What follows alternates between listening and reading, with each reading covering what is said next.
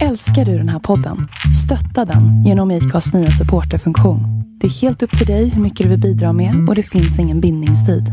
Klicka på länken i poddbeskrivningen för att visa din uppskattning och stötta podden. I'm Sandra, and I'm just the professional your small business was looking for. But you didn't hire me because you didn't use LinkedIn jobs. LinkedIn has professionals you can't find anywhere else, including those who aren't actively looking for a new job but might be open to the perfect role, like me.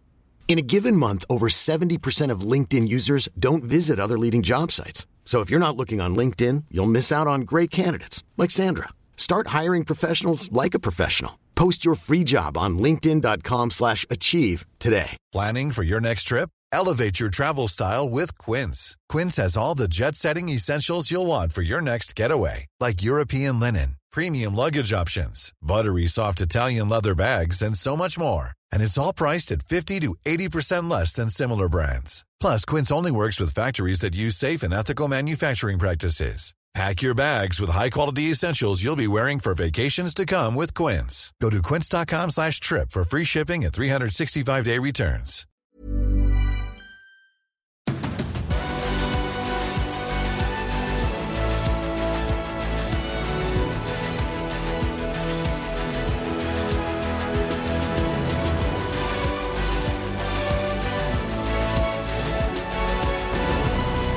Välkomna till ett nytt avsnitt av MotoGP-podden och gott nytt år. Den här podden är tillsammans med Andreas Mårtensson, med Tobias Lion och med Sandy Berlin. Och den här podden, den kommer handla om Tobias Lion. Vad säger du om det Sandy? Kan vi grilla honom idag? Ja, den här killen som kommenterar med dig, Tobias Lion, Jag lärde ju känna honom i början av seklet. Och då hette han faktiskt Tobias Nyström. Jag tycker han själv ska få presentera sig och berätta lite om hur han blev Tobias Lajon och varför. Välkomna till podden, till din egen podd Tobias. Ja, vet att jag står här och har puls nu faktiskt. Kände du så här när du pratade om dig själv? Ja, i början gjorde jag det, sen, sen flöt orden iväg. Ja, jag är inte så van, man är inte så van att göra det faktiskt. Vi pratar om hundratals förare och namn och, och jag gör ju det även i mitt andra yrke som lärare. Prat, ja, säger säkert hundra namn om dagen i snitt, kanske mera. Eh, och nu när man ska säga sitt eget namn, Nyström, det kommer jag knappt ihåg, men så var det faktiskt Andy. Det är helt riktigt. Jag bytte namn till Lion i eh, samband med eh, giftermål. Och det här är faktiskt ett gammalt familjenamn som annars hade försvunnit. Det är min eh, morfars släkt som har, som har rötter i eh, Storbritannien. Så att det är ett eh, engelskt uttal och det är stavat med Y då. Och det här var ju någonstans runt början på 2000, ja 2004 skulle jag säga. Det är inte franskt uttal då, Lyonäs. Nej, det är inte så. Men eh, faktum är att jag har lite sån släktforskning på det här. Och eh, det, ännu längre tillbaka så är det någon slags eh, beröring med Frankrike. Men eh, jag tror också att det finns eh, en kilt eller något sånt här mönster som man har då kring, ja, som man kan få. Men hur som helst, Lion är det numera. Men Ja. det, det är rätt, det var Nyström under början av karriären. Och, och har du tänkt på det? Både du och jag har namn som härrör till städer i Europa. Jag heter ju Berlin som staden i Tyskland och du heter Lyon som staden i Lyon i, ja, i Frankrike helt Mm, enkelt. jag har tänkt på det. Det är ovanliga efternamn, båda två. Men hur började det? Var föddes du och varför tänkte jag säga, men när? 1970 och eh, FN-dagen 24 oktober. Så det har alltid varit flaggdag på min födelsedag. Det är ett trevligt, trevligt sätt att vakna upp. Och den där uppmärksammas ju eh, fortfarande. Så att det är alltid flaggor och eh, känns bra i höstmörkret. Jag gillar, jag gillar födelsedagen mer och mer, men jag gillade den aldrig under min uppväxt. Det var katastrof att fylla så här sent på året. Inte minst de här viktiga åren. 15, hopplöst. Hade aldrig moppe, det var ingen idé. För då hade ju de som var jämnåriga kört moppe den säsongen. 16, körkort sist på hösten. Jag körde första vintern. Och eh, även då eh, 18 uteställen eh, och 20 bolaget. Ja, det är alla de här klassiska. Det var ju som man var handikappad. Redan, redan med födelsedatumet. Ja, jag förstår det. Jag är ju född i mars då, så att jag har ju alltid haft moppe tidigt och kunnat komma in och gå ut och så vidare. Men var föddes du någonstans? Jag föddes i eh, Stockholm, Sabbatsbergs sjukhus. Min pappa från Stockholm, min eh, mamma från Eskilstuna. Jobbade i Stockholm på den tiden. Uppväxt eh, de inledande åren på Beckomberga. Låter ju dramatiskt, men Beckomberga. Mentalsjukhus hette det väl på den tiden. Personalbostäder hade de utåt Spånga. Runda, ser ut som tårtor. Finns kvar än idag. Rätt eh, spektakulär, eh, spektakulära hyreshus som, som personalen fick bo i då. Mm, De ligger i korsningen Spångavägen, Bällstavägen. Och eh, när jag drog kabel-tv, det här är en anekdot på 80-talet, då var det en pettring på firman och då hade de lyckats ha sönder ett fönster av någon anledning. De hade väl liksom lutat sig mot när de skulle borra igenom golv eller tak. Och då skickade de pettringen till glasmästaren, men han var tvungen att fråga efter välvda fönster. För husen är ju runda, men det var ju raka glasrutor i dem såklart. Ja, nej men där, där bodde jag en, en kort tid. Men sen, eh, min, min pappa uppväxt där i, i närheten och eh, jag har fått berättat för mig där att eh, när det blev dags att kika på hus eller eh, skaffa sig någonting gemensamt där, då var det ju precis som idag, prisbilden annorlunda ute i, Eh, i landet. Så då blev det faktiskt Eskilstuna, där min mamma kommer ifrån. Och eh, sen från ja, början på 70-talet, där 72, 73, så blev det eh, Eskilstuna för, för hela slanten. Så lite där med småstad, kanske inte lika eh, litet och avsides som, som du hade under delar av din uppväxt i alla fall Andreas, men ändå lite utanför riktiga storstadsområden var det. Ja, och, och du säger att du är född sent på året. Jag är född 22 december, så jag vet ju ungefär hur det är. Men vad var din känsla kring det där? Eh, jag hade nog inte lika stora problem kanske som du hade, utan jag accepterade nog läget. Men, men jag kände att man hamnade lite efter i allting. Det var väl mer det. Mm. Det där har jag tänkt på mycket. Det, det där handlar ju om allt ifrån eh, lära sig läsa, lära sig... Alltså man klumpas ihop i sin årskull. Det skulle ju gott kunna vara något mer flytande. För det här handlar ju om idrott, det handlar om skola, det handlar om alla saker. Och ser man i statistik så är det ju alltid de som är födda tidigt på året som har fördel. Ja, och, och du jobbar ju som lärare och nu visserligen högstadiet, då har det väl jämnat ut sig lite mer kanske, men, men på lågstadiet så borde det skilja ganska mycket ändå. Ja, men, ja, men det gör det. Och, men jag tycker de har blivit bättre på att fånga upp sådana här barn idag. Min son fick till exempel stå på tillväxt ett år, för i sexårsverksamheten så tyckte hans pedagog då att nej, han ska inte börja ettan nä- nästa år. Hon hade ju helt rätt i det. Liksom. Så att, jag tycker det är bättre nu än det var förr faktiskt. Man, man, man sätter fingret mer på folk som, barn som behöver extra resurser och hjälp. Ja, Och- nej, och men sen så, då? Ja, men då blev det alltså Eskilstuna ett eh, villaområde. Eh, ja, jag, jag minns inte jättemycket om min tidiga uppväxt. Det jag minns, det var ju faktiskt att jag var tidigt intresserad av tvåhjulingar. Cykel var jag intresserad av tidigt. Jag vet inte exakt när jag lärde mig cykla, men någonstans tre och ett halvt, närmare, ja, no, ja jag törs inte gissa, men jag tror det. Så bodde vi nära en, eh, en stor allmänning där det var en eh, Eh, lekpark bland annat. Och det var skogsdunge och det var en riktig eh, jordbana genom hela den här skogsdungen. Och det var liksom en bana där man tidigt, där jag tidigt var uppe och var med äldre barn och eh, där, där det, var, det var riktiga race där uppe. Vi körde med, Eskilstuna är ju speedwaystad. Så de här äldre barnen där, de hade ju alltså fixat med starttejp. Det skulle vara uppställt som i speedway, men det var ju en skogsbana, en jordbana. Och där var det ju några ställen på det här varvet där det gick att köra om. Eh, och, och en spektakulär kurva som låg närmast våran kåk där jag bodde. Där var ju, vi var hemma hos mig och hämtade vatten och man vattnade upp den här kurvan så det skulle gå liksom att köra bredställ utan att behöva bromsa med cykeln. Och så vi kom ju in där liksom i den här kurvan med, ja, med fulla uppställ. Och, och det var ju ofta den kurvan det avgjordes, för många vurpar ju den svängen då, för det var ju, det var ju tio gånger halare. Men jag var ju ofta med och vattnade där tidigt, så jag hade ju li, jag hade li- rätt, ja den, den böjen vill jag minnas att jag hade lite fördel i. Men, ja, men det var mycket av, det var en del av min uppväxt. Tidigt var jag faktiskt intresserad av det här med två hjul. Eh, I övrigt så var det det här klassiska med fotboll, spelade jag. Spelade lite pingis, åkte lite längdskidor, gick i plugget. Det var väl ganska bekymmerslös uppväxt. Men det fortsatte bara med, med två hjul, för fotboll är du inte så bra på. Nej, fotboll är inte... Nej, men det händer ju en ganska avgörande grej. Det- Jag lär ju ta den här, för att jag tror att jag berör den ibland i, när vi snackar också. Att det, när jag var någonstans runt eh, årskurs två, årskurs tre. Det ju, ni får ju inte den här exakta datumet som ni fick när ni lyssnade på Andreas uppväxt. Men jag skulle säga att jag var nio. Då fick jag ont i ett ben, oförklarligt.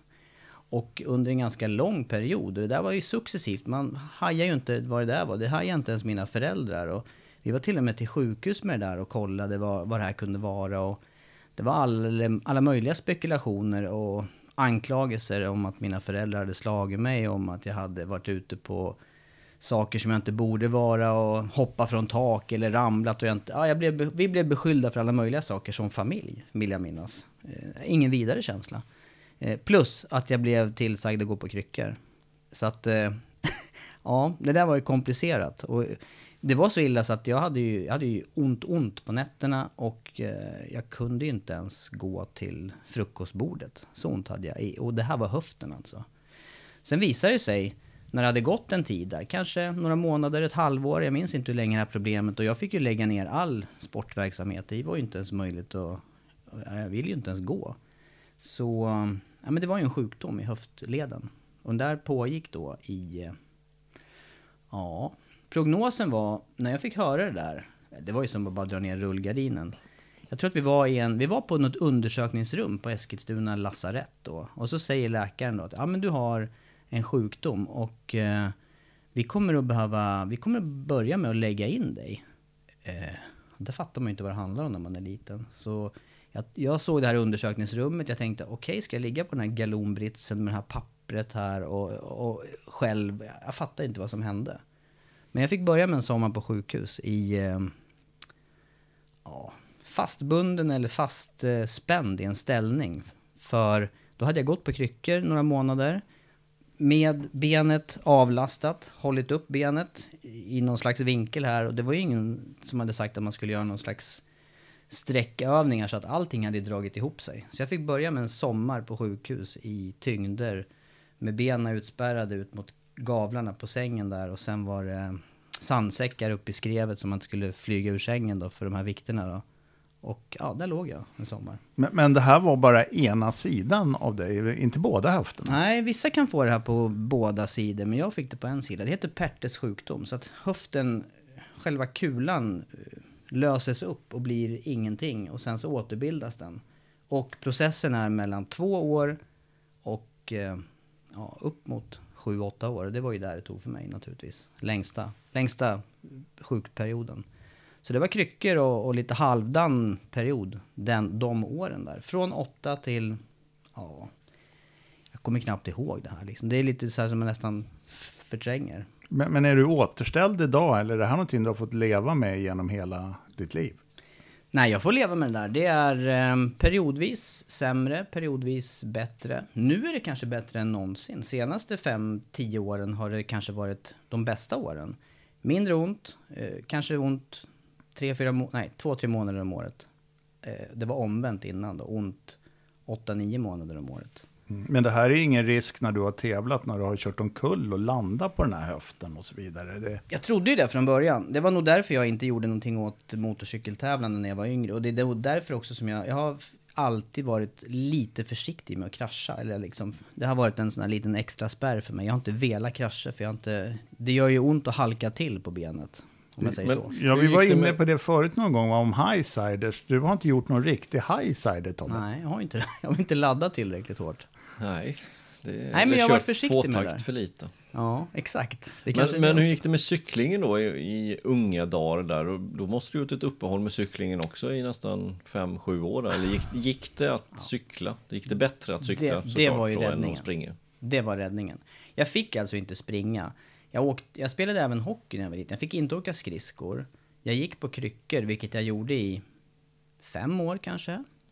Då, och då pratar jag om eh, från sovrummet till köket, det avståndet. Och, Och, där, jämt. där måste jag ju berätta en sak. Du är ju ganska grym fortfarande i, i den åldern du har kommit upp i nu på att gå på kryckor. För det var ju något år sedan när alla vi tre var på Eh, i Texas på Kota. Och då var vi på Colin Edwards ranch där och körde och jag kraschade, du kraschade, men jag skadade ju foten där och så fick jag ju ett par sådana där USA-kryckor att hoppa på i några dagar innan min fot blev okej okay, och då fick ju du styla lite på dem där och du kan ju stå på kryckorna utan att ha något ben nere och nästan gå på kryckorna utan att, att stödja dig på något vanligt ben.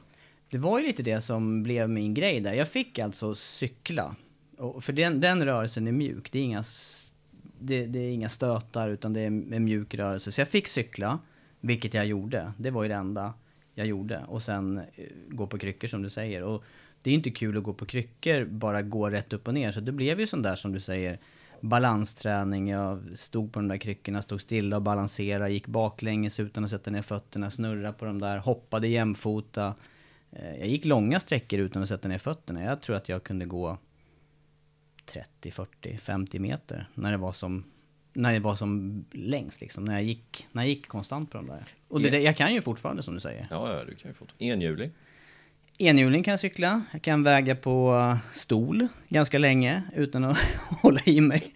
Rullstol, framåt och bakåt, på, ja, alla möjliga. Alla, alla sådana här hjälpmedel. Du kanske skulle tävla i den där SM-veckan. Det brukar ju vara väldigt konstiga sporter där emellanåt. Det kanske finns någon sån där vicka på stol eller gå på kryckor. Det kanske kan bli svensk mästare. I någonting. Ja, i någonting. Inte i bara antal ord per helg. Nej, men det där är ju ganska, jag har tänkt på det där efteråt, det där måste ju varit lite avgörande för min, eh, ja, det var ju, det var inte lätt alltså. På den tiden hade man ju inget annat att ta sig för heller, utan det var ju verkligen den här rullgardinen ner. Inga sporter, man kom på efterkälken med kompisar, man kom på, ja jag talar utifrån mig nu, alltså jag kan inte säga man, men det blev ju svårt att hålla kontakten med vissa, för det var ju sport som gällde för killar. Och jag kunde ju bara hänga liksom. Det blev, och det var väl det, det jag fick hänga och snacka. Och det tycker jag fortfarande är kul. Det var ju tur att man tycker det då. Du är en väldigt social person Tobbe. Det kan ingen ta ifrån dig i alla fall. jag fick väl övning där under de där åren, antar jag. Men det var tur för mig, för att eh, det, det också faktiskt eh, gjorde mycket, det var att läsa. Jag läste extremt mycket böcker. Av alla slag. Eh, barn, ungdomsböcker, vuxenböcker och faktaböcker och det ena med det fjärde. Eh, vilket gjorde att det blev rätt tråkigt med plugget. För det var inte så mycket nytt heller under många år under min uppväxt.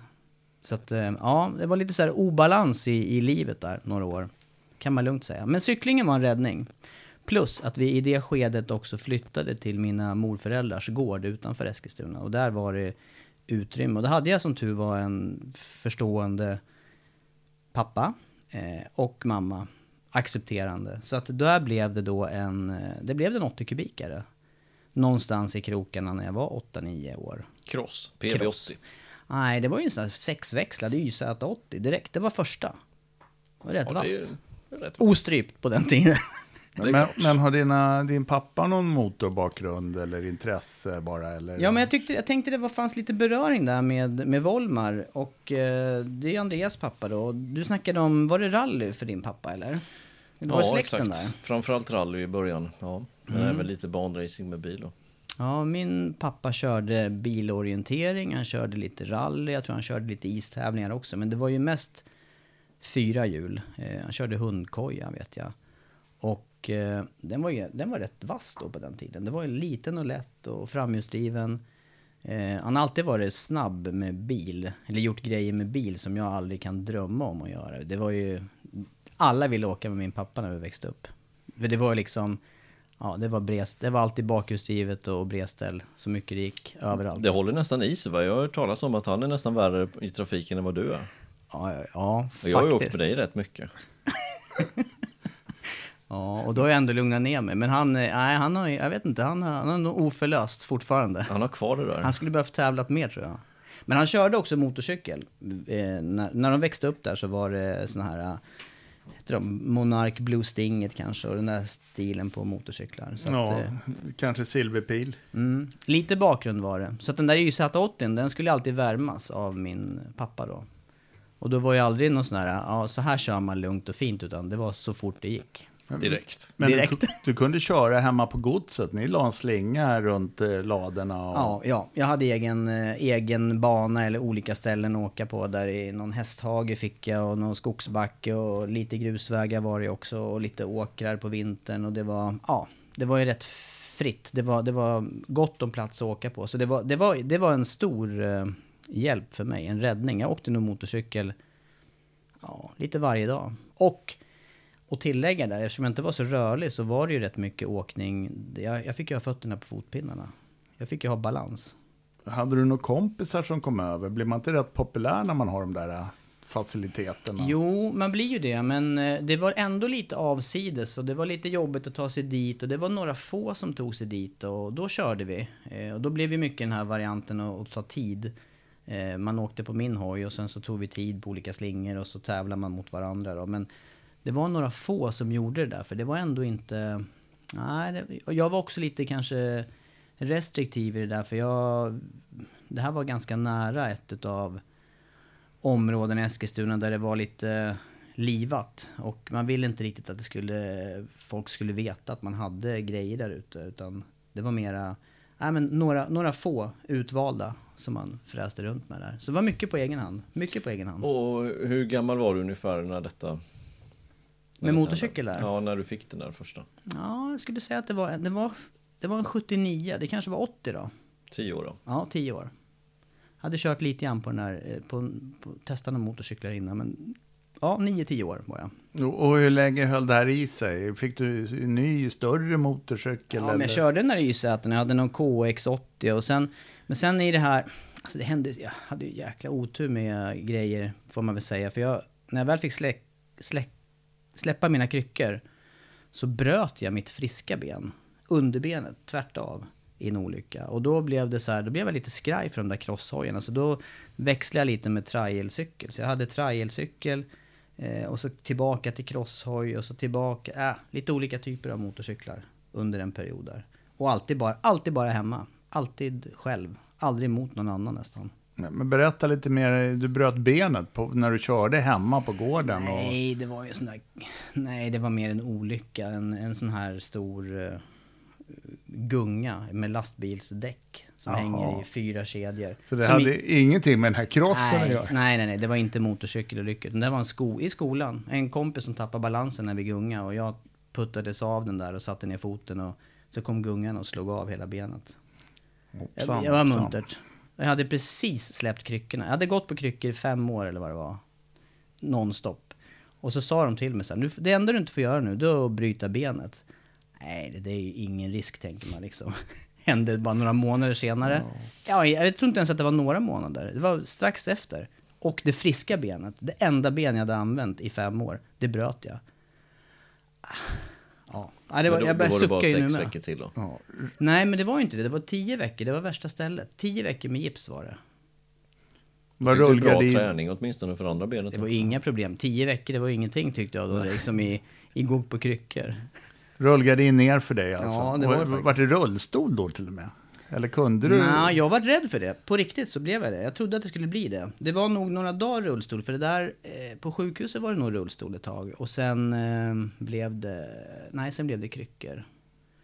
Ja, och sen blev det något halvår till där innan det där benet var okej. Ah, komplicerat vill jag säga. Det, du hör ju att det nästan har, jag har nästan förträngt det. Ja, jag har ju aldrig brutit någonting, men jag, jag hör ju att det där måste ju varit rätt jobbig period för dig. Ja, det var det faktiskt.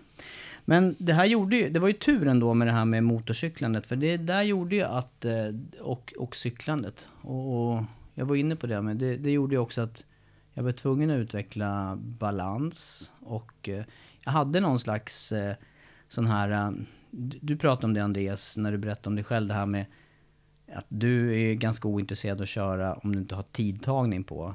Men jag hade någon tanke, eftersom jag var mycket själv, så var det, det var inte ens någon som tog tid på mig, utan då hade jag som målsättning att kanske åka mina varv på min slinga utan att sätta ner foten en enda gång, eller att göra den där sladden med samma känsla varv efter varv, eller att bromsa på samma ställe. Det är lite liknande tankesätt. Ja, absolut. Man får förbättra hela tiden. ja. Det var inte så att du åkte ut ett visst klockslag och sen såg du när solen gick ner liksom.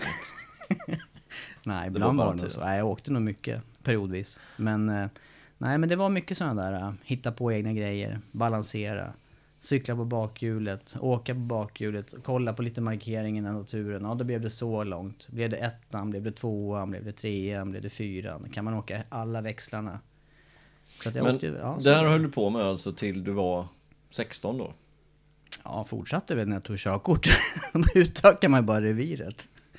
Det var ju stor... Men om en 16 då började du köra, Då blev det gata. då blev det riktig motorcykel. Ja, Mm. det blev Och det, det var nog så faktiskt. Tänk efter där så var det nog inte så mycket mer i huvudet där. För det blev ju så enkelspårigt. Jag kunde ju inte hålla på med någonting annat riktigt. Ja, men jag känner igen det. Brudar och motorcyklar. Ja, det var nog så. Korvkiosken i Eskilstuna. Ja, och eh, mycket där att man skulle vara utmärka sig, synas, höras. Jag hade, ju- hade ju någon dröm. Det, det var ju även en period där, 80 någonstans, tror jag läste min första bike till exempel. Jag var på MC-mässan i Stockholm. Eh, vi var ju faktiskt på Anderstorp från 81 och kollade på GP500. Det var ju årets höjdpunkt. GP500 och eh, MC-mässan. Det var ju de två grejerna. Och sen läsa bike, alltså varenda nummer.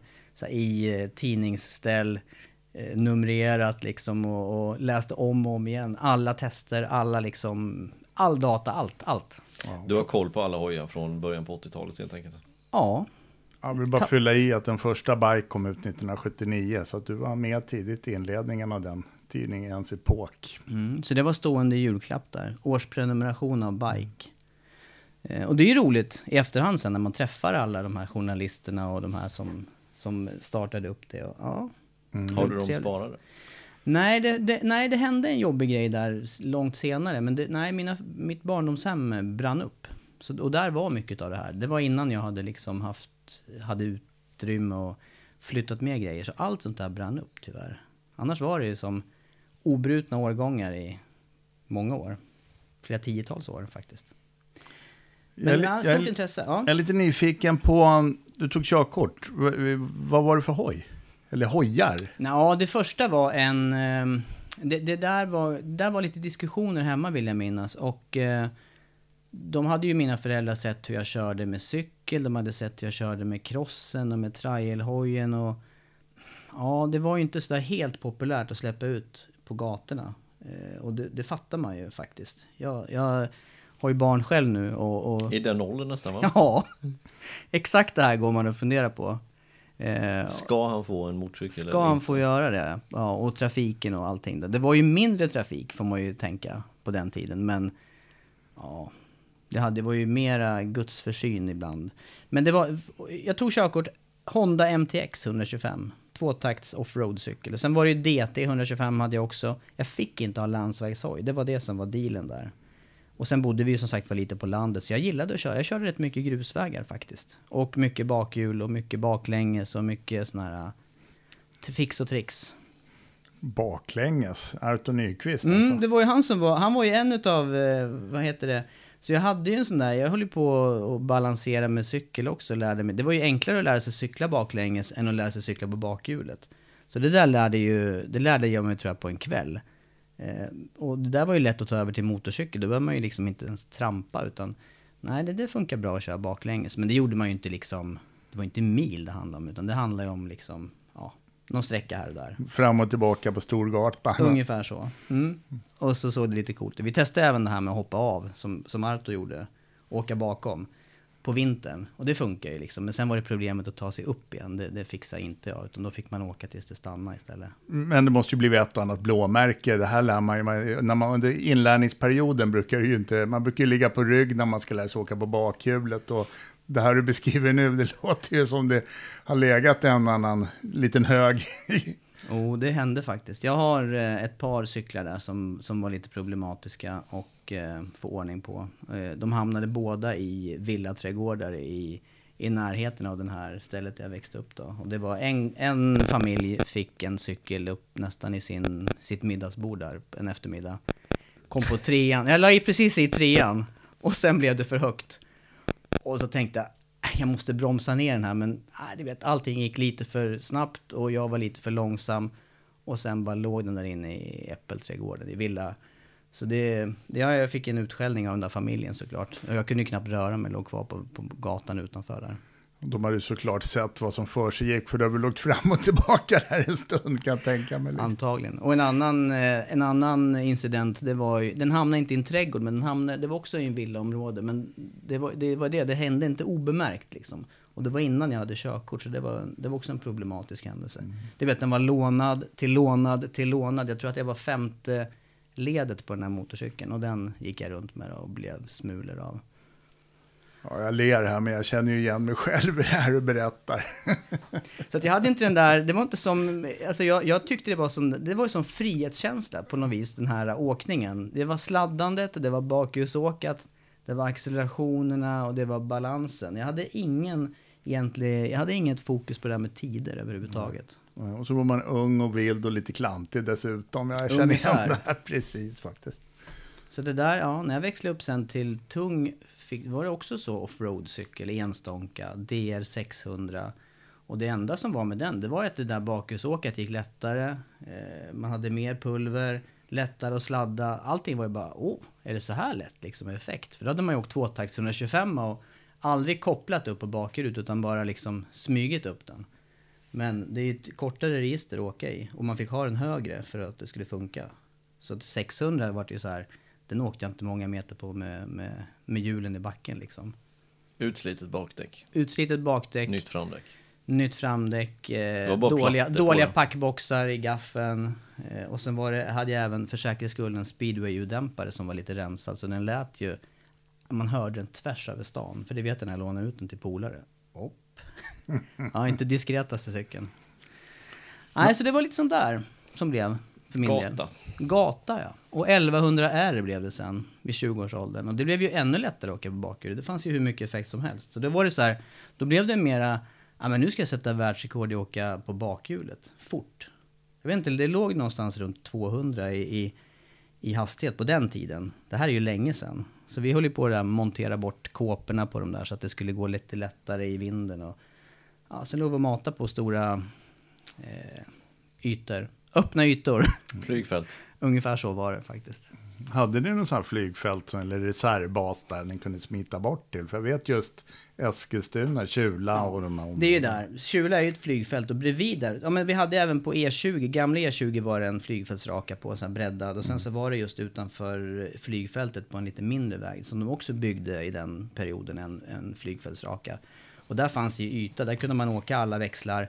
Skulle man gå runt så var det, det kändes ändå inte som att man skulle eh, mista livet, utan det kändes som att det fanns yta att åka av på. Fick ni vara i, fred då? Eller kom lagens långa arm och la sig i era? Ni var väl ett gäng kan jag tänka mig? Ja, det var några stycken där som åkte. Ja, nej, jag, nej, jag har alltid varit lite diskret. Precis som man känner sig ovan att prata om sig själv så här. Så att, ja, men vi var där, drog några reper och sen så drog man vidare. Inte höll sig där så länge. Och det fanns ju inga sociala medier. Det var ingen liksom... Det var inte att man la ut att nu bränner vi där och nu gör vi det här. Utan där gjorde man ju i skymundan. Det fanns ju inga... Det fanns ju inga bevis på det där. Det Först in- nu. Nu är det preskriberat. Exakt. Ja, men och, vad, vad gjorde du samtidigt då?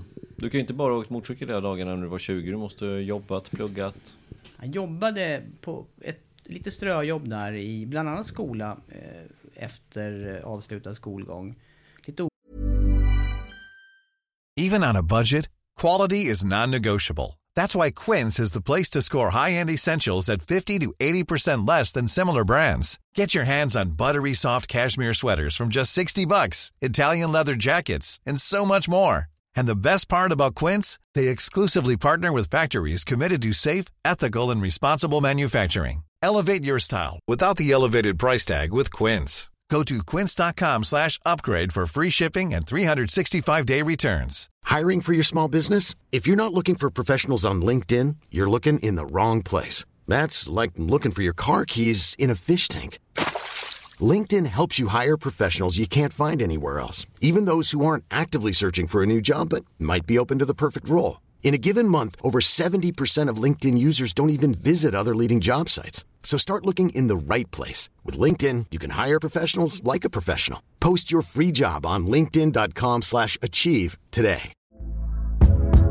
Hey there, it's Michelle Norris. I'm host of a podcast called Your Mama's Kitchen. When I travel, I'm usually looking for a way to find a taste of home when I'm not at home. And one of the things I love to do when I am at home is entertain. And Airbnb allows me to do that. When I was in California recently, I rented a house that had a great kitchen. And when we were sitting around the table, we're all thinking, we're in someone else's house. Someone could be in all of our homes as well.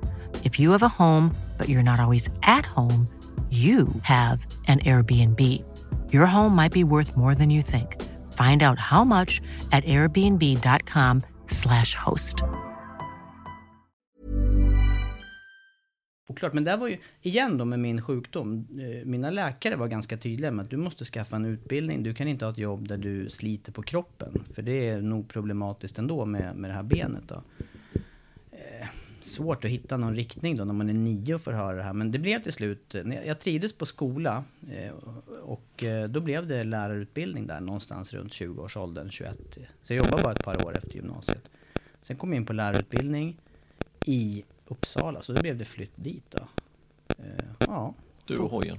Fortsatte ha motorcykel. Fortsatte och ja, det blev så. Plugga. Och därmed blev det ju inte heller aktuellt med den här eh, Eh, med den här racekarriären. Den fanns ju alltid, intresset fanns. För det där hade dragit igång, minns inte om det här, om du har koll på det här Sandy med, eh, med bandagar. När blev det aktuellt i Sverige? Ja, ja, jag försöker dra mig till minnes, men, men eh, första sporthojen värd kallas en roadracinghoj, det var ju faktiskt Suzuki som kom 85.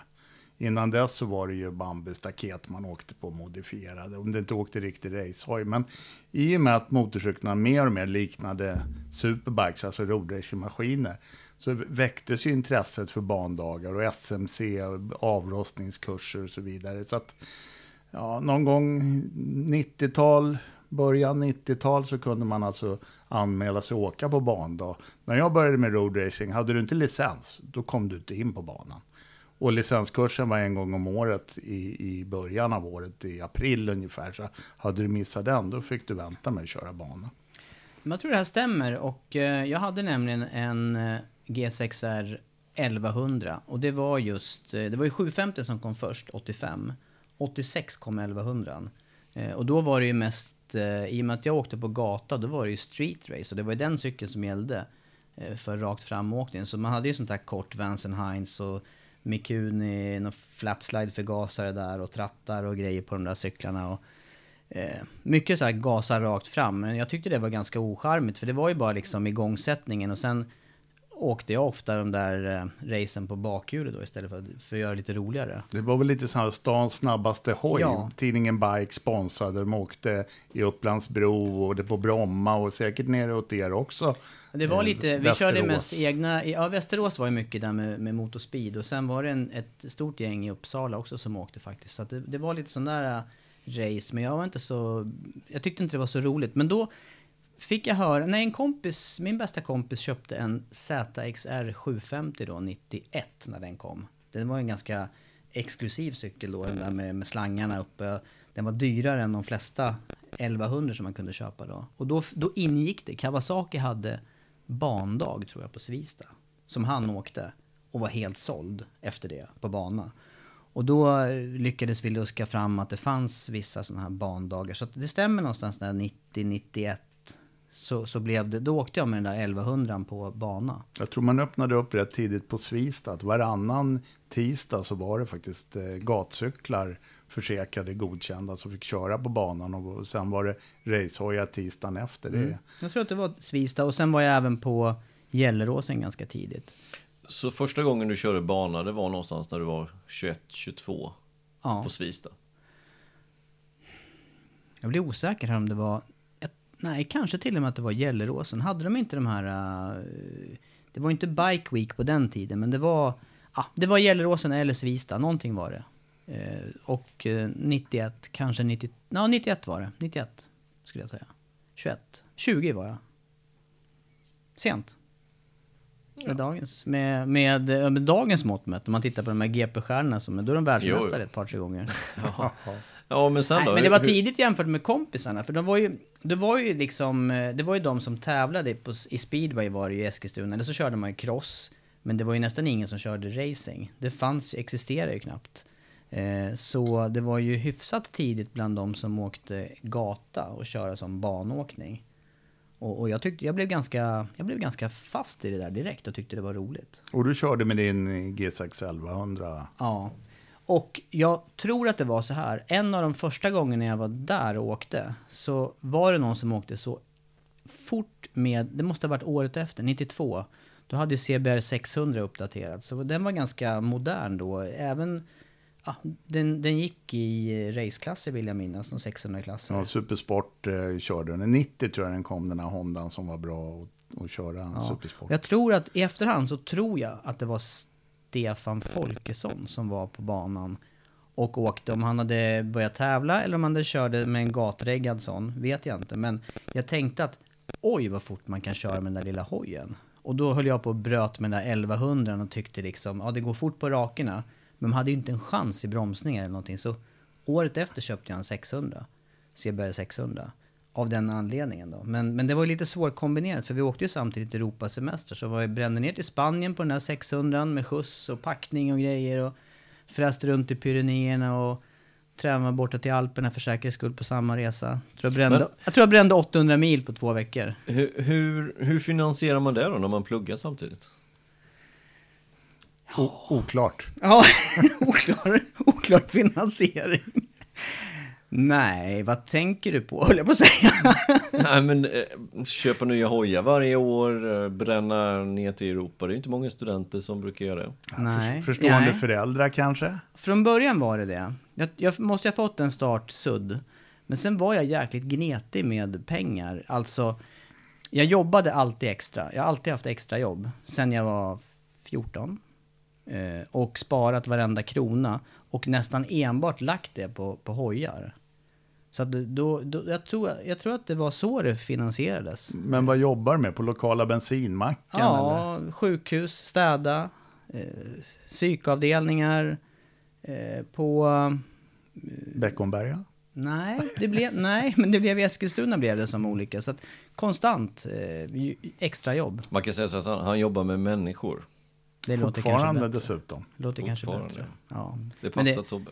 Ja, det, men, nej, men det var mycket så. Jobbade varenda ledig tid. Liksom. Inte varenda, men, eh, men stora perioder. Sommarkollo för barn och ungdomar. Sådana här saker. Så det stämmer. Det var inte många pluggkompisar som eh, hängde med på de här Europaresorna. Det var det inte. Ja. Det var andra. Hur, hur länge hade du kvar den här Hondan? Och när, när, och det lät som du gjorde enstaka bandagar, men när började du åka mer regelbundet då? Ja, Men det var ett antal år. Det var ju, jag tror du var inne på det där med Nürburgring när vi snackade Andreas. Eh, och ihop med de här resorna så var det ju också då att då hade ju GP 500 eh, tagits iväg från Anderstorp. Eller det var inga eh, rättigheter där längre. Så då gick ju närmsta racen och kolla var ju Assen. Så alla de här Europaresorna som jag gjorde, de var ju också ett syfte att se ett GP. Så då var det på Assen några år, åkte motorcykel dit då. Och så fortsatte vi ner mot Nürburgring och sen fortsatte man till Rivieran eller till Pyrenéerna eller till Alperna eller till Centralmassivet eller till, ja, vad det nu fanns, berg och väder. Så var, så var mina somrar. Vi, vi tog ju lite under den podden om mig där, men var du på alla GPn i Anderstorp? 80, vad sa du att det började sen? 81? 81. 81 till 90? Mm, jag var på alla där. Från, från 81. Från det första jag var på där till 90. Och sen var jag då, sen var det väl Superbike-VM. 91 och 93. Ja, då var jag på dem. Endurance Och VM, s- 93. Endurance, nej. Det var jag inte på då. Och det var ju tur med tanke på din berättelse. Den läste jag om sen i Bike. Det var ju inte mer rapportering. Det Det var ju en månad senare fick man ju höra att det hade regnat där. Det var ju tur. Det hade regnat lite ja. Ja. Så den var jag, jag var inte på Endurance faktiskt. Det var en hemsk helg. Det var, var i princip bara några timmar på eftermiddagen, kvällen som det inte regnade. Sen bara öste det ner. Men jag kom på en rolig grej. Det var ju, det var ju inte så att det här GP-intresset minskade. Alltså jag var så fascinerad av ljudet, av dofterna, av farten, av... Eh, och sen sådana här spektakulära förare. Randy Mamola åkte på den här tiden liksom. Och bredställ, ut på gamla start och målrakan. Och, ah, det var sådana fascinerande grejer. Får jag berätta en sak? Ja, gör det. När vi var i Austin återigen, nu är det andra gången jag tar upp Austin här i den här podden, som vi var förra året vi tre. Då pratade du faktiskt lite med Ken Roberts ju. Och påminde honom om den här incidenten. Var det med Freddie Spencer? Var det 85? 83, 85. 83 på Anders, och sista, 83. Ett sista rakan. Ja, efter flygrakan. två när eh, de var ihop lite grann och Freddie Spencer vann ju det racet och sen vann han ju hela mästerskapet. Och den såg jag live. Exakt, och det sa du ju till Kenny Roberts. Ja. Dra den historien. Ja, men jag frågade honom hur... eh, För han, han förlorade ju mästerskapet på den där Ja. omkörningen. Han var ju ute i, eh, utanför banan. Och jag hade ju scoutat var man skulle stå på banan för att se maximalt utav banan. Så vår läktarplats där, jag vill minnas att det inte var numrer. Ja, man kanske köpte numrerat förresten. Man kunde boka det då. Och det var ju på den här, på hörnet på den läktaren som, som den första läktaren när man kommer på den korta rakan innan gamla start och mål. Alltså efter flygrakan, höger och sen första läktaren längst upp på hörnet. Där stod jag. Stod upp, högst upp. För att se liksom så mycket som möjligt. Mellan då norra kurvan och Atlaskurvan. Ja. Eller om man tar postering så heter de ju Bertil Bertil till Bertil Caesar. Ja, Där har vi riktiga benämningarna. Eh, då där stod jag och såg den här inbromsningen. Och, och Roberts eh, eh, reaktion på det här, det var väl ungefär att, nej, han var, nej han var ju inte nöjd. Han, var ju, han blev ju förbannad. Han var ju förbannad fortfarande. Över den här incidenten. 2019. Ja, och han eh, sa ja, på den här tiden var det ju inga kameror och grejer. Det var, det, nej, han körde ju inte schysst liksom, Spencer, i det där läget. Och då träffade vi ju båda de här samtidigt. De var ju inne hos Alpine Stars när vi var där också. Ja, så jag snackade med Spencer om det där också.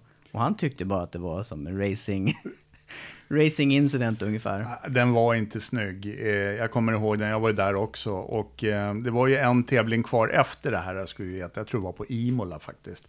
Och Roberts vann det racet, men i och med att Spencer hängde som en igel i bakhjulet på honom så tog han ju hem mästerskapet. Och det, det fanns ingen som kunde backa upp Roberts och klämma sig emellan, för det var så tajt. Så att idag hade ju inte Spencer kommit undan med den där. Nej. Och vet du, nu, jag har ju resultaten uppe här. Har ni sett? Jag har ju det på tv bakom er, så ni, ni, ni kan ju inte faktiskt se dem. Han vann alltså, det stämmer det som ni säger, Spencer vann i Anderstorp. Och sen blev han då två i eh, San Marinos Grand Prix. Och det gick ju då på banan som heter Autodromo di Dino Ferrari. Och det lär ju vara Imola, precis som du säger. Ja, just det. Så ni har rätt, minnet sviker inte. Nej. Jag var ju inte ens född då. Nej, men det där var ju starka minnen. Och, och som sagt det, det var det enda... Ja. Det var riktiga ljuspunkter på, på året.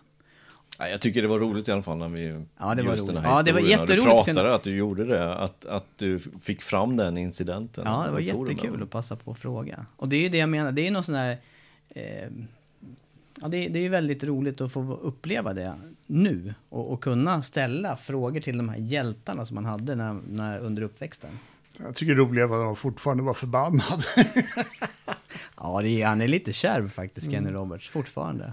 Jag, jag har faktiskt också en kul grej med Roberts. Eh, Jag var ju på Suzuka för, för eh, jag har varit där två gånger, men jag var där när det var 40-årsjubileum.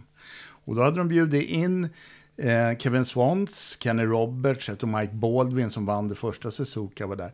Och då reste vi med Peter Karlsson, Peters evenemang. Det var, jag och eh, ja, ett gäng där ibland. Och så Pelle Jansson.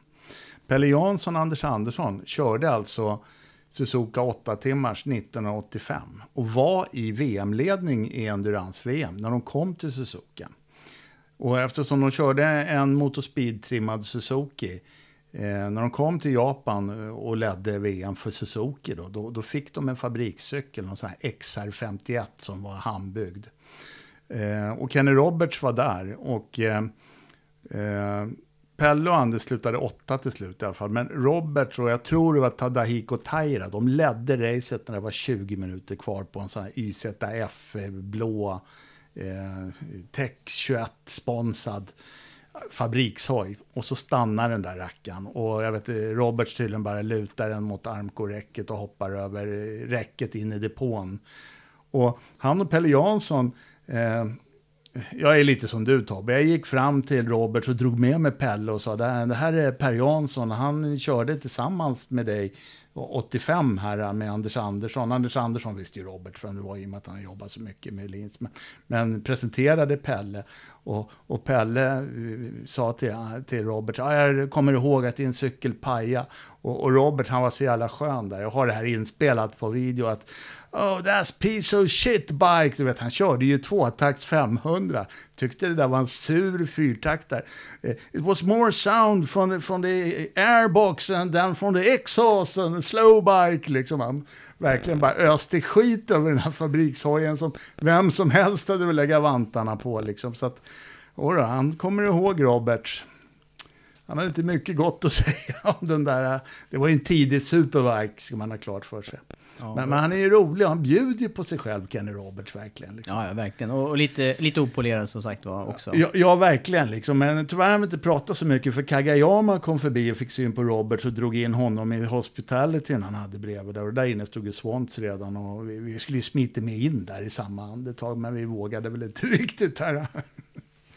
Nej, nej, men det är spännande att få, få prata om de där grejerna i efterhand. Där. Men, men det, det som hände sen i alla fall efter, eh, efter eh, Anderstorp-eran, det var ju just att GP flyttade ut i Europa. Och jag tror att det var där också som jag insåg att, ja, då hade jag till dess åkt med min pappa och min släkt på race. Och vi var på mycket olika typer av motorsport. Eh, mycket rally och mycket sådana här saker. Och jag hade nog... Eh, jag, jag hade en tanke om att jag skulle se VM i olika discipliner. Och, och jag ville ju gärna hålla fast vid GP 500 och då var det som sagt var Assen där och då blev ju det en nivå till. Man tyckte att Anderstorp hade varit stort, men då var det ju under TT Week. Och det var ju så, eh, det var ju så mycket folk och det var så, ja det blev en helt ny nivå på hela evenemanget. Så där någonstans vart jag ju, då var jag ju helt fast i det här med att man, jag tror till och med att vi vid det tillfället, jag var där första året, då tror jag vi lyckades komma in på banan och åka på, eller det vet jag att det var. Vi åkte ju med, med landsvägshoj där på banan under veckan, någon gång. Jag minns inte hur det var. Jag vet, efter avslutad tävlingsdag, någon grind stod öppen och där fanns det möjlighet att åka in. Ja, det var ju såklart man gjorde det då. Mm, de kallade det där TT Speed Week och, och jag tror de räknade in över helgen 250 000 åskådare just på Assen. Och det, det var ju en folkfest. Det brukade ju inledas med eh, EM och sen tror jag det var Classic där mitt i veckan och sen så började väl GP på eh, torsdag, fredag och lördag körde man alltid tävlingen på, ska vara klart för oss. Att jag, jag körde ju EM där 89 och, och då kom vi dit, kommer jag ihåg. Vi var på Knutstorp på helgen och sen åkte vi direkt på kvällen efter målgång till Assen och så började vi träna på måndagen på Assen helt enkelt. Och sen var det full fest. Och det fina var ju att man hade ju tillträde in i depån eftersom man körde EM. Det var inte så att passen slutade gälla utan vi kunde ju gå in där under hela, hela Så var det inte när jag körde EM 03 och framåt. Var det. Nej, det var väl annorlunda kan jag Forbidden. tänka mig. Jag har suttit på taket på min buss på Assen och sett Randy Mamela slå runt med Kagivan ut på rakan. Mecken hade glömt eh, pumpa upp eh, bakbromsen eftersom de hade skickat i hjulet. Så den gick för högt och han tryckte på bromsen men den bottnade bara. Men de lagade den på griden så han körde racet. Det var inte så mycket skada. Men det var sevärt. Ja.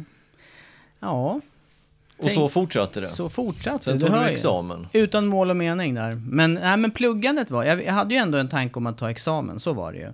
Men, men det här gjorde ju att också det här med hoj, eh, det var två grejer som bromsade att jag inte testade bana eller raceade innan. Det ena var ju höften där, för jag var lite orolig som Sandy var inne på, att det skulle inte vara bra att ramla, eller krascha då. Eh, Och det andra var just att jag tänkte att det känns inte rätt att, att racea för lånade pengar. Eller man lånar ju pengar och plugga och ja, visst jobba extra men det, det, på något vis så, så, så täckte ju inte det vad jag trodde att det skulle kosta att racea. Och sen fanns det faktiskt en tredje stor hake för mig och det är ju det här, det har ju du sett också. Tummen mitt i handen. Jag, jag har ju, nej, måttligt, för att inte säga noll intresse av att mecka själv. Nej, det, det kan man väl säga att teknik är inte ditt främsta område här i livet. Nej. Det är verkligen inte eh, Och det är ju en stor hak. Alltså jag, det, jag blir så avundsjuk när du berättar hur du har liksom plockat isär din eh, motorcykel där och inte bara, det är inte bara byta hjul utan det är ju liksom det är ju molekyler, det här klassiska, Som man säger. Ja. som man säger. Och, och planat, vad snackade du om förra gången? När plana toppar eller vad var Ja, det? Ja, fräsa, det, det, toppfräsa. det är det minsta man gör. Det handlar ju om att rikta vevaxlar och tajma vevaxlar. En tvåtaktare, meta squishband och... Ja. Ja, det, är- det, är- det är faktiskt hjärnkirurgi i, motorteknik kan man säga. Ja, det, det vet jag kanske inte, men det, det är... ehm, hyfsat komplicerat, ja. ja Mm. det är det. Och där är vi så långt ifrån varandra som det bara går. Ja, Alltså, det, ja, men det är vi ju. Det, det vet jag ju. Eh, Det, och det gäller ju all teknik med dig. Ja. Det, och det är både ointresse och från början så här lite... Ja, men alltså du, du, kan ju lära dig om du verkligen hade velat. Så kan du men, under- men intresset finns inte och bakgrundsinformationen kanske inte har gått in heller. Nej, antagligen inte. Ja, men man måste ju ha lite grundläggande kunskaper. Ja, faktiskt. Hur enter-knappen ser ut och så. Ja. Nej, det där går inte. Nej, Det går inte vet, in. Jag vet. Eh, där har vi någon slags eh, dysfunktion.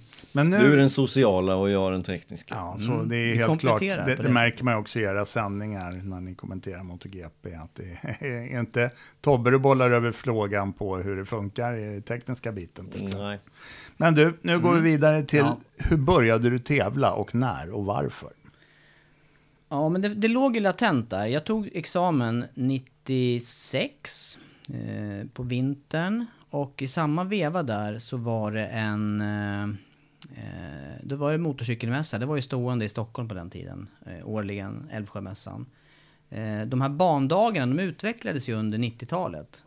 Och eh, den absolut vanligaste banhojen, också billigaste gathojen utav de stora, eh, det var ju Honda Fireblade under den perioden. Så det var ju överlägset flest Fireblades på gatorna, för de var ju eh, original då i 50, häst, 50 hästkrafters version.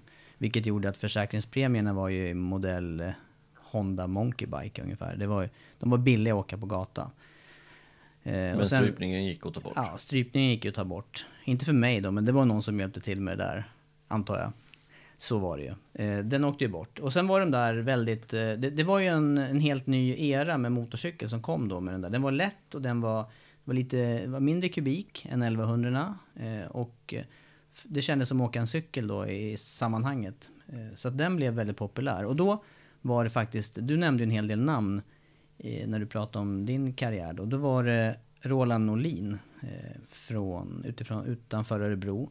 För övrigt då bekant och vän med just Pelle och Börje Jansson där. Han hade någon tanke om att dra igång en, en racingserie med just nybörjare. Han ville ha in mer förare i roadracing.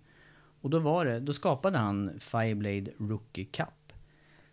Upplägget var att köra ihop med eh, Scandinavian Open som gick i Sverige. Norge, he- helt Danmark. nystartad 96 Scandinavian Open. Ja, och eh, 97 var det här då.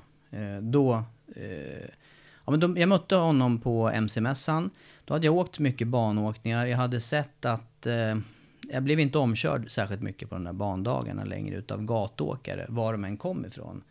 Så det var min slutsats att nej, men det är dags att mäta sig mot några som, som kör snabbt på riktigt. Och då var det ju, då var det ju racing. Eh, och så kom Rolle då, mötte honom där på eh, um, MC-mässan och han pratade om den här Fireblade-kuppen. Han visste att jag hade åkt Fireblade på sådana här bandagar innan vi hade träffats vid något tillfälle. Och sa det här är ju en serie för dig. Där ska ju du köra. Du kan hojen, du kan åka fort, eh, du vet vad det handlar om. Och ändå vet man ingenting på något vis. Eh, men det där, jag lyckades, eh, eller det, det där började väl gro på allvar då. Och sen så i samma veva så snackade jag med en annan kille ifrån Eskilstuna, Mattias Bokvist. Han hade också fått nys om den där serien. Han hade bil, jag lyckades ordna släp. Vi lyckades ordna en mekaniker tillsammans som skulle hänga med på de här racen då. Tio, det var dubbelrace de helgerna. Så jag tror att det skulle vara tio deltävlingar nästkommande säsong. Eh, och jag då, förutseende som inte kan mecka, köpte ny motorcykel, ny utrustning, eh, allt nytt för att slippa göra någonting. För jag, jag tänkte att det här är standard, ingen gör någonting. Så jag hade ju standard fjädring, jag hade gatdäck. Eh, jag tror inte jag rörde en skruv på den där cykeln. Eh, plus att jag åkte med den till Italien på lite mellanracen där på, på semester. Så jag rörde ju inte en skruv på den där cykeln den säsongen. Men, men reglementet, vad tillät det i den Nej men man hade ju fått byta till till exempel, jag tror det var 16 tums hjul på den där fram. Jag tror man fick köra 17 tum och då fanns det ju plötsligt slicks. Eh, Man fick köra regndäck. Man fick byta fjädring, avgassystem. Avgassystem vill jag minnas att jag hade, något annat då. Men i övrigt eh, ingenting. Standardfjädring och... Jag tror inte ens jag ändrade på inställningarna på den. Men däck där, man fick åka slicks alltså, men du körde gatdäck? Jag körde gatdäck. I torrt och regn, för då behöver jag inte bry mig emellan. Nej, okej. Det är jätteskönt. Det var ju ingen, ingen puls alls om det regnade. Eller om, och jag hade ju kört mycket regn i och med att jag hade åkt gata 25 000 mil. Och jag hade åkt vinter utan dubbdäck och jag hade åkt... eh, Det var inget, jag brydde mig inte så mycket om det där. Vad var det för resultat? Jag kom tvåa i den där kuppen. Eh, och... eh, Första det var året? Väl, ja, det var väl... Det var ändå, skulle jag säga, en 30-40 förare inblandade under året där. Och, eh, ja, och jag, det var väl i princip pallen konstant, alla de där racen. Utom när det regnade, då var jag just utanför pallen. Men det var ju ingen som, som körde gatdäck som körde snabbare. Det kan jag ju säga. Jag. Och jag hade inte en krasch på hela året. Inte? Inte en krasch. Vem vann då? Mikael Hägerström från eh, Falkenberg, eller Tvååker. Eh, Mitt, minne, eller mitt starkaste minne från den här kuppen, jag kommenterade ju en del åt Mike Luff eh, det året. mm. När du körde bland annat. Jag kommer känna igen Mattias Bokvists namn. Det var någon som, jag tror han vann på Anderstorp, som åkte på bakhjul efter målgång och slog runt och skrotade hojen totalt. Var det Hägerström? Nej, det var inte det. det. Det racet gjorde inte Hägerström så bra vill jag minnas. För det där var, jag åkte just bakom på bakhjulet också. Jag såg den här vurpan live. Det var Tommy, säg nu efternamnet här. Ja, Larsson kanske han hette. Ja, en kille från Uddevalla i alla fall. Vi körde hela flygrakan på bakhjulet. Eh, men då var det medvind åt det hållet. Eh, och han, jag tror att han vann det racet och kanske jag var Ja, tvåa. jag tror han vann. Och Ja. det här hände ju på gamla start och mål, vill jag Ja, minnas. men då hade vi kört hela flygrakan först. Och sen kom vi tillbaka då och rundade upp på, på gamla start och Framför huvudläktaren. Ja, men, men då tänkte jag liksom att det här blir inte lätt. Jag hade åkt mycket på bakhjulet också. Jag tänkte, jag, det här kör inte jag i den här motvinden liksom. Det var sån kraftig motvind. Och han slänger upp den lika häftigt som vanligt liksom på rätt upp. Och den där cykeln tar ju luft. Så den flyger ju, den lättar ju upp och den flyger upp och ner i luften. Och jag ser ju det här, för jag åker ju bakom då och tänker att "Ah, det där var inte smart beslut.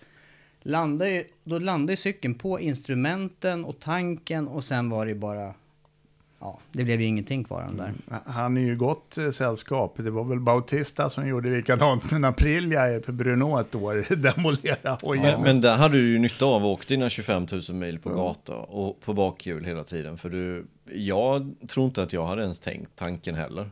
För jag åker ju aldrig bakhjulet. Nej. Det, det har aldrig varit mitt intresse så att jag, jag hade säkert gjort samma sak. Ja, nej, går jag, det på jag, ena hållet så går det väl på andra hållet. Men du som har varit med och kört där hela tiden, du vet ju. Ja, jag vill minnas att det var så. För det där var ju problemet med vinden och de där kåporna. För det, jag åkte ju så mycket när jag var yngre så att mm, sidvind var ju inte heller något vidare för då vrids ju hela cykeln. Och det var därför man plockade bort underkåpor och annat där. Men, Jag kommer ihåg det där tydligt. Det var rätt tråkigt för det var rätt trasigt, kommer jag ihåg. Vad var detta? Scandinavian Open alltså? ja, det var Scandinavian. Gick den här Fireblade-cupen tillsammans med Scandinavian? Ja. 97. Mm. Och då körde vi race lördag och söndag. Lite kortare race, inte så många varv, men det var också för en, en tanke för att få eh, racevana. Och det behövde man ju då. Jag var ju helt eh, ny på det där. Jag minns att vi gjorde någon... Eh, det var ett träningsläger där. Det brukade väl vara på våren i Anderstorp.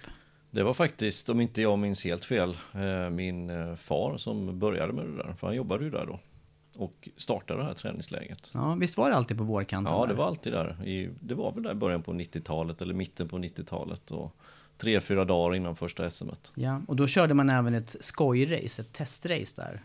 Eh, vill jag minnas, det året. Och eh, då hade ju, jag vet inte vad man utgick från, men jag, jag skulle i alla fall starta i karusellen. För det var så många som skulle köra det här racet och jag var väl antagligen inte så snabb då. Eh, för det var ju raceförare där och körde. Så i karusellen i slutet, eh, så min första sväng var ju vänster då. Men... Innan du har passerat startlinjen. Ja, innan, innan man hade passerat startlinjen så var det en liten vänstersväng. Och sen tyckte jag att det gick bra det där första varvet. Jag passerade före på flygraken, jag bromsade om några så här. Men jag hade ju missat att det var uppvärmningsvarv. Så att ridå ner. Du, du vann uppvärmningsvarvet. Ja, ja, ja. Och jag, jag skämdes ju så jag visste inte vad jag skulle ta vägen. Jag tänkte att det var ju tur att man inte hade omkull någon. Eller Och hur märkte själv. du det sen? Att det Nej, för det började kom ju- viftas med gul flagg liksom? Ja, det kom ju flaggor där sen när man kom till karusellen nästa varv. Och då var det på riktig startuppställning. Jag kände mig så dum. Men fattar de andra att du trodde att det var? Inte bara att det du liksom. Jag- körde på lite för att värma däcken Nej, jag vet inte. Det kändes fel i alla fall. Jag satsade i alla fall som att det var race.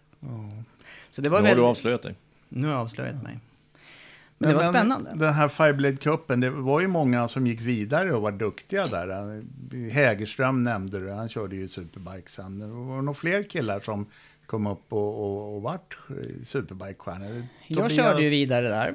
Ja. En av stjärnorna. Nej, jag blev ju ingen stjärna. Men, men däremot så var det ju, Christer Minen körde ju. Ja, det kommer jag ihåg. Han eh, vann tror jag året efter. Och sen var det, vad kommer mer ifrån Fireblade-cupen?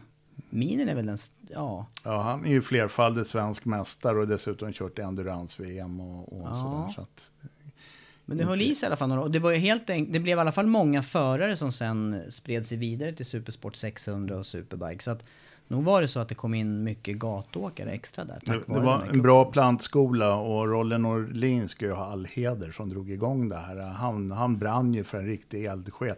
Han bjöd, det var till och med så att det var väl Philip McAllen han bjöd in, den här Isle of Man-hjälten som var på en av finalerna i Anderstorp och Ja, stämmer. berättade om ja, sin karriär då. Han, körde väl, han var väl Hondas Fireblade-förare framförallt på Isle of Man då. Det, det, det är ju lite det här som är kul också, för jag har ju 97 har jag inga starka minnen från att jag var just där, men jag var säkert på Anderstorp där. Men 96 vet jag ju definitivt att jag var på Anderstorp, Scandinavian Opens första race där. Men det är det som är lite roligt, att vi har egentligen inte träffats ordentligt förrän vi började jobba tillsammans 2017.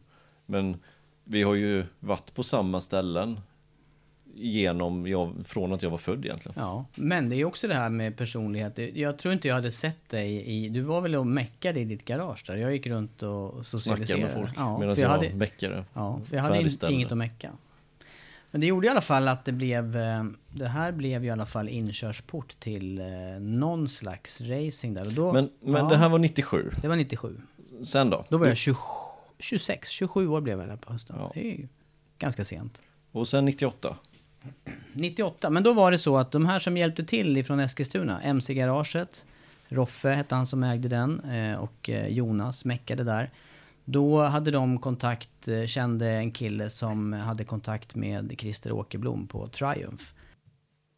Och där tror jag vi bryter del 1 om Tobias Lion.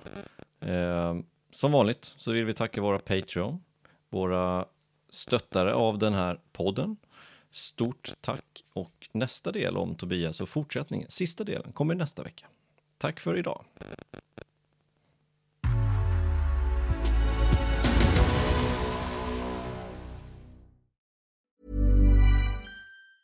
Hej, det är Danny Pellegrino från Everything Iconic.